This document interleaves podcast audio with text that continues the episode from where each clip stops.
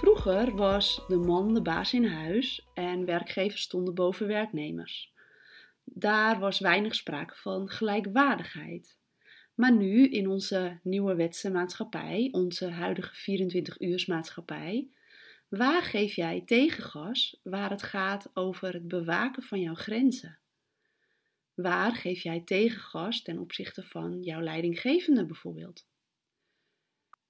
Jij hebt een missie en om die te vervullen heb jij tijd en ruimte nodig om creatief te zijn, inventief te zijn, geniale ideeën te bedenken.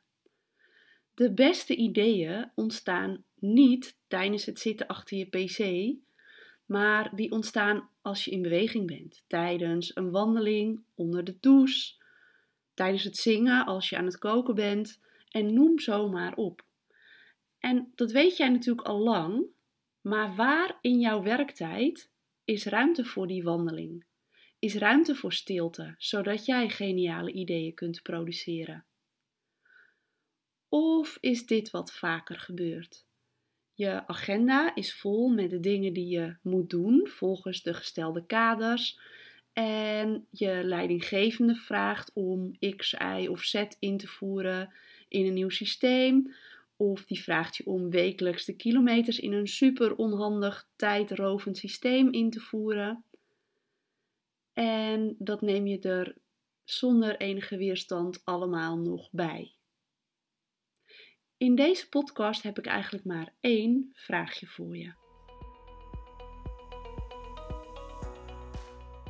Welkom in de podcast Tegen de Draad in. Ik ga in deze podcast vertellen waarom grenzen zo belangrijk zijn. Om in jouw geniale zone snode plannetjes te smeden. Om die wandeling te maken, om ineens dat geniale plan te bedenken voor een van jouw pleeggezinnen, die misschien niet eens de reden was, de aanleiding was dat je die wandeling ging maken. Sta jij jezelf toe, gun jij jezelf de ruimte om tijdens werktijd dit soort ruimte te creëren. Want ik kan het in deze podcast natuurlijk ook hebben over de primaire oorzaak van een burn-out, dat grenzen stellen daarvoor belangrijk is. Maar daar kun je mij over horen in podcast aflevering 7. Of ik kan je meenemen over de oorzaak dat je geen vervulling in je werk voelt. Dat je weinig creativiteit voelt, maar vooral bezig bent met het afwerken van lange to-do-lijstjes en de werkdruk die je daarbij ervaart. Maar ik wil je vandaag één vraag stellen. Sta jij jezelf toe gun jij jezelf de ruimte om tijdens werktijd de ruimte te creëren om die wandeling te maken. En daarbij heb je natuurlijk alle vrijheid om die wandeling te vertalen naar datgene wat voor jou goed werkt. En als jij jezelf daar ruimte voor gunt, sta je dan nog toe dat de leidinggevende binnen jouw organisatie jouw agenda te vullen met randzaken die niet bijdragen aan jouw missie in jouw pleeggezinnen. En daarmee wil ik natuurlijk niet zeggen dat je die taken nooit hoeft te doen, maar ik wil je uitnodigen om prioriteit te stellen in je agenda en te kijken vanuit jouw missie naar welke taken hebben dan prioriteit en andere taken minder belangrijk te maken, minder prioriteit te geven en vooral minder aandacht te schenken. Dus door ze bijvoorbeeld te doen in een vast moment in de week. Ze efficiënt doorwerken, zonder frustratie, zonder emoties of negatieve energie.